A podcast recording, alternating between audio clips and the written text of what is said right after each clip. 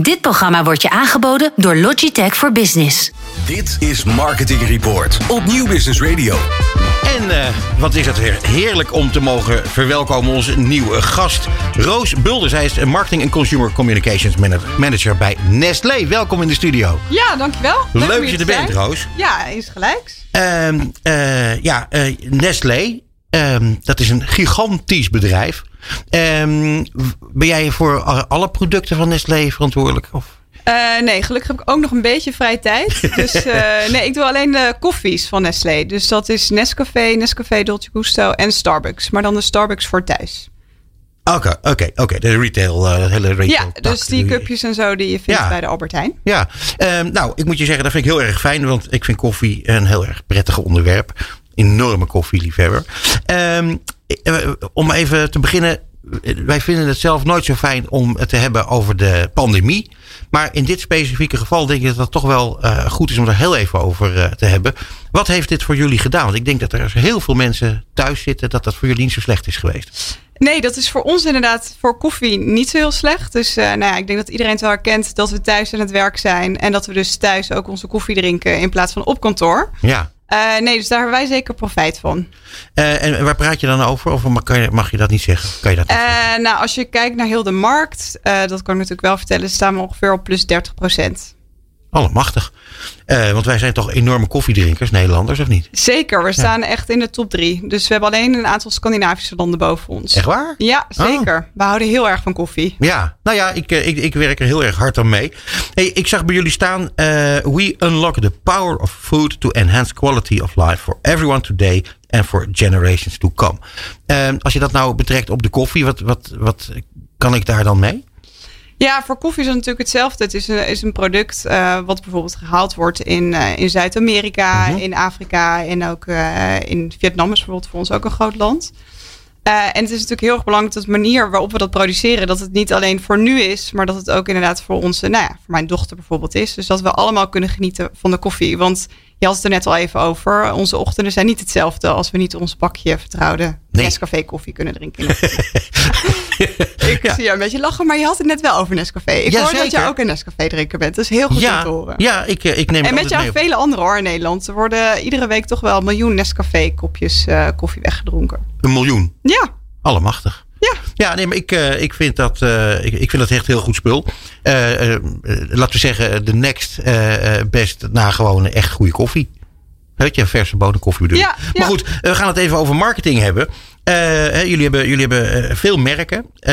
je bent voor een aantal merken ben jij verantwoordelijk. Ehm, heb je in de afgelopen periode ook je, periode ook je boodschappen moeten aanpassen? Ja, zeker. Vooral toen natuurlijk de pandemie net begon, zagen wij ook van een, echt een hele verandering. Je zag ook dat iedereen ongeveer zijn advertenties terug ging trekken. Ja. Uh, wij zagen natuurlijk dat inderdaad iedereen ging hamsteren in de winkels. Dus voor ons was juist de vraag veel groter. Uh, maar ook in onze fabrieken moest natuurlijk alles aangepast worden. Dus ook in onze productielijnen nou, moesten we rekening houden met bijvoorbeeld die meter afstand. Dus we konden veel minder producten leveren. De druk bijvoorbeeld bij Dolce Gusto verkopen we ook rechtstreeks via onze webshop. We zagen echt de druk er onwijs toenemen. Uh, dus we hadden net een aantal promoties gepland staan. Dan moesten we echt allemaal gaan cancelen omdat we het gewoon niet konden leveren. Uh, dus hele campagnes die al klaar stonden moesten omgezet worden. En ook goed gekeken worden naar de boodschap dat die op dit moment nog steeds relevant is. Dus, ja. Uh, nee, en als je dan dus, kijkt naar, naar het belang van data ten opzichte van creatie bijvoorbeeld. Kun je daar iets over zeggen? Want ik neem aan dat data zijn van belang natuurlijk. Ja. Maar in dit geval, omdat koffie ook zo'n ja, ook een, een, een emotioneel uh, uh, iets is in het leven van uh, mensen. denk ik dat die boodschappen en de creativiteit dus om die boodschap over te brengen, dat die van belang is. Ja, zeker. Mensen hebben natuurlijk, je hebt verschillende soorten koffie, maar iedereen heeft wel echt zijn eigen koffie. Ja, dat is voor hen het belangrijkste. Dus nou ja, waar jij net al zei van, ik heb echt een voorkeur voor bonenkoffie. Zijn er ook heel veel mensen in Nederland die dus echt per se hun uh, soluble, dus echt een oploskoffie graag mm -hmm. willen. Uh, je ziet bijvoorbeeld ook in Engeland dat dat gewoon het grootste segment is. Uh, dus dat iedereen daar echt de voorkeur geeft voor die koffie. Ja. Uh, maar ja, voor ons ook, als je het over koffie hebt, blijft data. Is denk ik voor iedereen belangrijk. alleen hebben wij natuurlijk heel veel data, omdat we verkopen via de supermarkt, die dan dus bij onze partners ligt.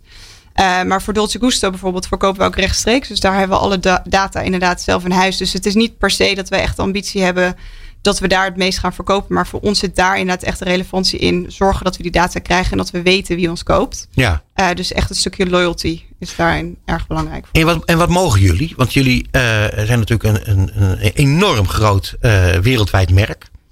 Of wereldwijde merken, moet ik eigenlijk zeggen. Wat mag je dan als, als, als Nederlands onderdeel daarvan met creatie bijvoorbeeld doen? Of krijg je, krijg je alles aangeleverd en doe je dan kleine aanpassingen? Hoe werkt dat? Ja, het is eigenlijk een combinatie van beide. Dus wat je ziet bij Starbucks, van tevoren ook toen ik bij Nestlé kon werken, dacht ik ook, oh cool, dat ik ook Starbucks dan in het portfolio heb. Nou, dat is super Amerikaans. Ik heb hier bijvoorbeeld ook bij Samsung gewerkt. Daar was Apple onze grootste concurrent die alles bepaalde. Uh, dat zie je dus ook bij Starbucks. Dus daar hebben we echt heel weinig vrijheid. En is het eigenlijk een kwestie van uh, adaptaties. Om te zorgen dat dat echt de global brand mm-hmm. in stand blijft. Ja. Nou ja, waar we het net al over hadden, is koffie wel echt iets heel persoonlijks. En ook de rituelen verschillen wel echt per land. Dus we geloven er daar wel echt in dat we lokaal de relevantie kunnen bieden. dus vooral met een merk als Nescafé, maar ook met Dolce Gusto hebben we daar zeker vrijheid in. Dus natuurlijk krijgen we global assets, maar bijvoorbeeld de doorvertaling naar social media en de contentstrategie, dat doen we allemaal lokaal. Uh, en wat ook wel mooi is bij Nestlé is dat ze wel echt ruimte geven als je een goed idee hebt. Uh, dus je, nou, wij hebben bijvoorbeeld een aantal assets voor meer ons duurzaamheidsplatform, wat niet echt aansloot bij Nederlanders. Uh, want hier zijn ze gewoon heel erg kritisch. Ik denk dat jullie dat zelf ook wel herkennen. Dus je kan niet, je moet echt wel buiten de feiten gaan, want alles wordt in twijfel getrokken, helemaal als je Nestlé bent. Uh, dus dan hadden we het idee dat we wat anders moesten doen. En dat wilden we ook graag pitchen met uh, een aantal bureaus hier lokaal. En daar wordt dan wel de ruimte voor gegeven. En dan mogen we als Nederland ook daar een pilotland in zijn. Uh, wat, ja, kan je daar iets meer over zeggen? Want dat vind ik ook wel heel erg interessant. Want dat betekent dat je, dat je met een nieuw initiatief komt. Uh, wat mogelijkerwijs dan uh, internationaal wordt opgepikt. Ja, precies. Dus wij gaan eigenlijk die campagne hier in Nederland. Doen we de pilot. Gaan we dus ook heel erg kijken naar de data. Overal wordt natuurlijk data voor gebruikt. Wat dan de resultaten zijn. En of er eventueel ook potentieel is om het uit te rollen naar andere landen. En dat doen we eigenlijk ook met een aantal productintroducties. Dus we hebben ook net een nieuwe productintroductie gehad. Uh, waarvoor we Nederland ook echt gebruiken als pilotland. Omdat we hier ook qua uh, internetpenetratie, hoeveel we online kopen, een heel interessante markt eigenlijk zijn om dit soort dingen te testen. interessanter dan de, die noordelijke landen die net iets meer koffie drinken dan wij? Uh, ja, omdat wij hier ook echt zien dat we wel wat meer geld over hebben voor koffie. Wat je op zich ook wel ziet in Scandinavië. Maar we zijn hier ook heel flexibel. En het gaat ook de mensen die uiteindelijk inderdaad het project gaan leiden. Ja, ik, ik zie wel dat uh, op het moment dat je praat over de dingen die je zelf mag bedenken en pitchen, uh, dat, dat, dat geeft wel een hele grote glimlach op je gezicht. Ja, nee, ik denk dat iedere marketeer dat wel herkent. Is dat toch wel als je echt iets zelf mag maken vanuit de strategie en vanuit de consumentenbehoeften hier lokaal.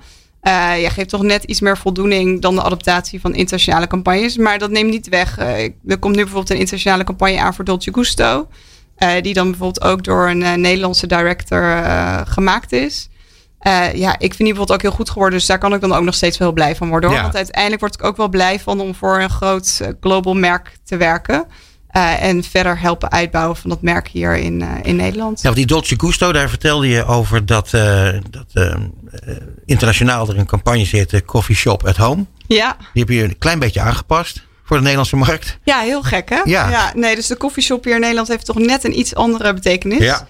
Uh, en dat geeft ze ook wel aan. Dus ook als je inderdaad de internationale assets krijgt, is het wel erg belangrijk dat je als lokale markt dus wel inderdaad de markt begrijpt. Uh, en dat een koffieshop in Nederland een iets andere betekenis heeft. Dus uh, in Nederland zal het uh, koffiebar zijn. Wanneer gaat die beginnen? volgende week, als het goed is. Oh, leuk. Want we werken met een beetje korte deadlines. Dus flexibiliteit. ja. Gelijk een persbericht sturen naar Bas die een vraag voor je heeft. Ja, oh, kijk. Nou, uh, ja, het ging over productinnovatie. En ik uh, ben uh, helaas geen koffiedrinker. Dus ja, daar kan ik, niks, niks aan toevoegen de discussie. Daarentegen ben ik wel een groot verbruiker van Red Bull. Waar natuurlijk ook cafeïne in zit. En is dat niet eigenlijk energy drink? Is dat niet eigenlijk het natuurlijk domein van koffie? Waarom zijn er eigenlijk geen koffie energy drinks? Ik zou zeggen. en dan om dan meteen nog een vraag te stellen. Waarom ook geen koffie-ijs dan in allerlei varianten? Nou ja, uh, want jij denkt inderdaad van Red Bull, daar zit waarschijnlijk meer cafeïne in dan je kopje koffie. Dat is overigens niet het geval. Uh, ook heel veel mensen die denken altijd, ochtends moet ik een echt extra heftige espresso nemen. Bijvoorbeeld ook een dark roast van Starbucks. Maar daar zit ook minder cafeïne in dan bijvoorbeeld een blond roast. Om hier, ik zie een eye-opener ook hier. Uh, omdat die dus inderdaad meer gebrand wordt, zit er ook minder cafeïne in. Dus koffie pakt zeker dat domein op een natuurlijke manier. En we zien inderdaad ook wel de trends in koffie dat er steeds meer koude koffie geconsumeerd wordt. Dus vooral inderdaad voor mensen als soort van instap in koffie. Koffie is natuurlijk best wel bitter qua smaak. beginnen ze met de witte koffies, zoals een cappuccino, maar ook met de ijskoffies. Wat natuurlijk de trends zijn vanuit bijvoorbeeld een Starbucks die we dan naar huis brengen. Uh, dus je kan bijvoorbeeld ook heel eenvoudig met Nescafé nu met een poedertje en je melk erbij en ijsklontjes een heel lekkere ijsfrappé maken. Dus dat is misschien wat voor jou. Als niet echte koffiedrinkers op die manier denk ik wel zoet genoeg dat jij het mm. ook wel lekker vindt. Ja, ik vind dat je het wel heel goed verkoopt. Ja? Oké, oké. Ja, ik zit erop. Ik zou er bijna trekking krijg. Ja, maar we gaan het toch een keertje proberen, denk ik, Bas. ik zal een pakje opsturen naar jullie. Nou, oh, leuk. Ja. ja, vind ik heel goed. Want uh, Bas, die is, die, is, uh, die, die, is zo weigerachtig waar het gaat om koffie. En volgens mij, want jij stelde een vraag over... Uh, bestaat er dan niet een, een, een energy drink met koffie? Maar die bestaan toch, dacht ik.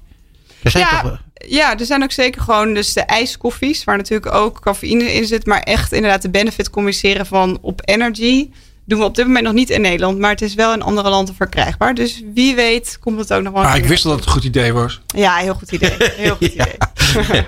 hey, um, uh, duurzaamheid wou ik nog even naartoe. Uh, je begon er net eigenlijk al een beetje over hè, uh, dat, dat jullie met, met uh, projecten komen die, waar je hier een pilot gaat draaien. je gaf iets aan over ehm, ja, dus investeren in de lokale creatie en dat misschien straks internationaal uitrollen, dat weet je natuurlijk nog niet.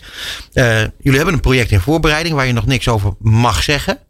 Maar je kunt volgens mij wel vertellen wat de achterliggende gedachte van het project is. Ja, nou, wat bij ons wat natuurlijk de uitdaging is dat uh, Nestlé een heel groot bedrijf is. En wat ik al aangaf is dat de Nederlanders ook best wel kritisch zijn. Dus we hebben natuurlijk altijd heel veel uh, doelstellingen waar we naartoe willen, bijvoorbeeld in 2025. Uh, eh, maar ja, dat zijn de intenties die je uitspreekt, wat super belangrijk is. En daar gaan we ook zeker naartoe. Maar wij willen hier altijd gewoon weten, oké, maar wat is het wat je nu doet? En wat doet dat concreet voor mij? dus wat we inderdaad vanuit corporate krijgen, zijn inderdaad gewoon heel mooie cijfers. Dat we 1 miljoen boeren helpen, dat we 200.000 betere koffieplantjes planten. Maar je wil als consument eigenlijk gewoon weten wat het echt doet voor jou. Uh, dus eigenlijk al die mooie initiatieven wat we doen, hoe kunnen we dat dus op een juiste manier doorvertalen? En dat is super lastig. Dus vandaar dat we er ook nog niet zoveel op gecommuniceerd hebben. En we denken dat we daar dus nu wel een manier voor hebben gevonden. Dus daar gaan we begin volgend jaar wel mee beginnen. en hopelijk gaat dat dus aanstaan.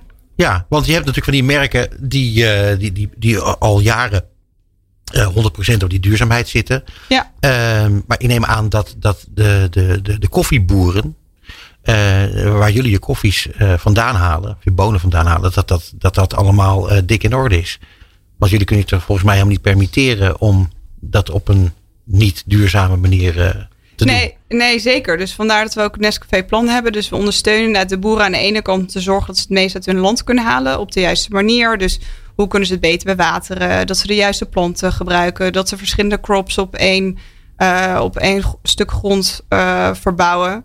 Uh, dus dat soort initiatieven inderdaad, dat doen we. Alleen zijn we wereldwijd wel de grootste leverancier van koffie. Dus we mm -hmm. nemen ook heel veel koffie af. Waardoor je dus ook heel veel gewoon op de vrije markt moet kopen. Dus dan ah. heb je niet met iedereen de één op één relatie zoals je kan doen als je super klein bent. Uh, maar we streven daar wel naar. Dus nu weten we van meer dan 90% van onze koffie exact van welke boerderij het afkomt. Dus kunnen we toch echt tot in het detail eigenlijk terugzien. Maar het streven is inderdaad dat we dat voor 100% weten. Ja, maar dat is oh, oké, dat begrijp ik dat dat heel ingewikkeld is. Uh, maar dan is het dus ook heel ingewikkeld om, dat, om daar een, een, een, een campagne omheen te maken. Ja, zeker. Ja, ja, dat is wel een uitdaging. En ook inderdaad om het zo te communiceren dat iedereen het ook begrijpt. Want dat het ook wel inderdaad niet iets is. En dat je ook meteen echt wel impact kan maken. Ja. Dat is ook wat verschil als je zo groot bent. En wat is de grootste uitdaging voor de komende tijd uh, wat jou betreft? Nou ja, ik denk voor iedereen nog steeds uh, persoonlijk meer het, uh, het thuiswerken. Dus dat we nog steeds alles vanuit huis moeten doen.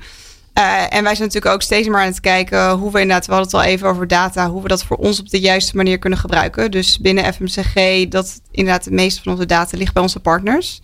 Uh, dus hoe kunnen we toch zorgen dat we die first party data meer in huis kunnen halen? Dus dat is de grootste uitdaging ook voor onze merken op dit moment.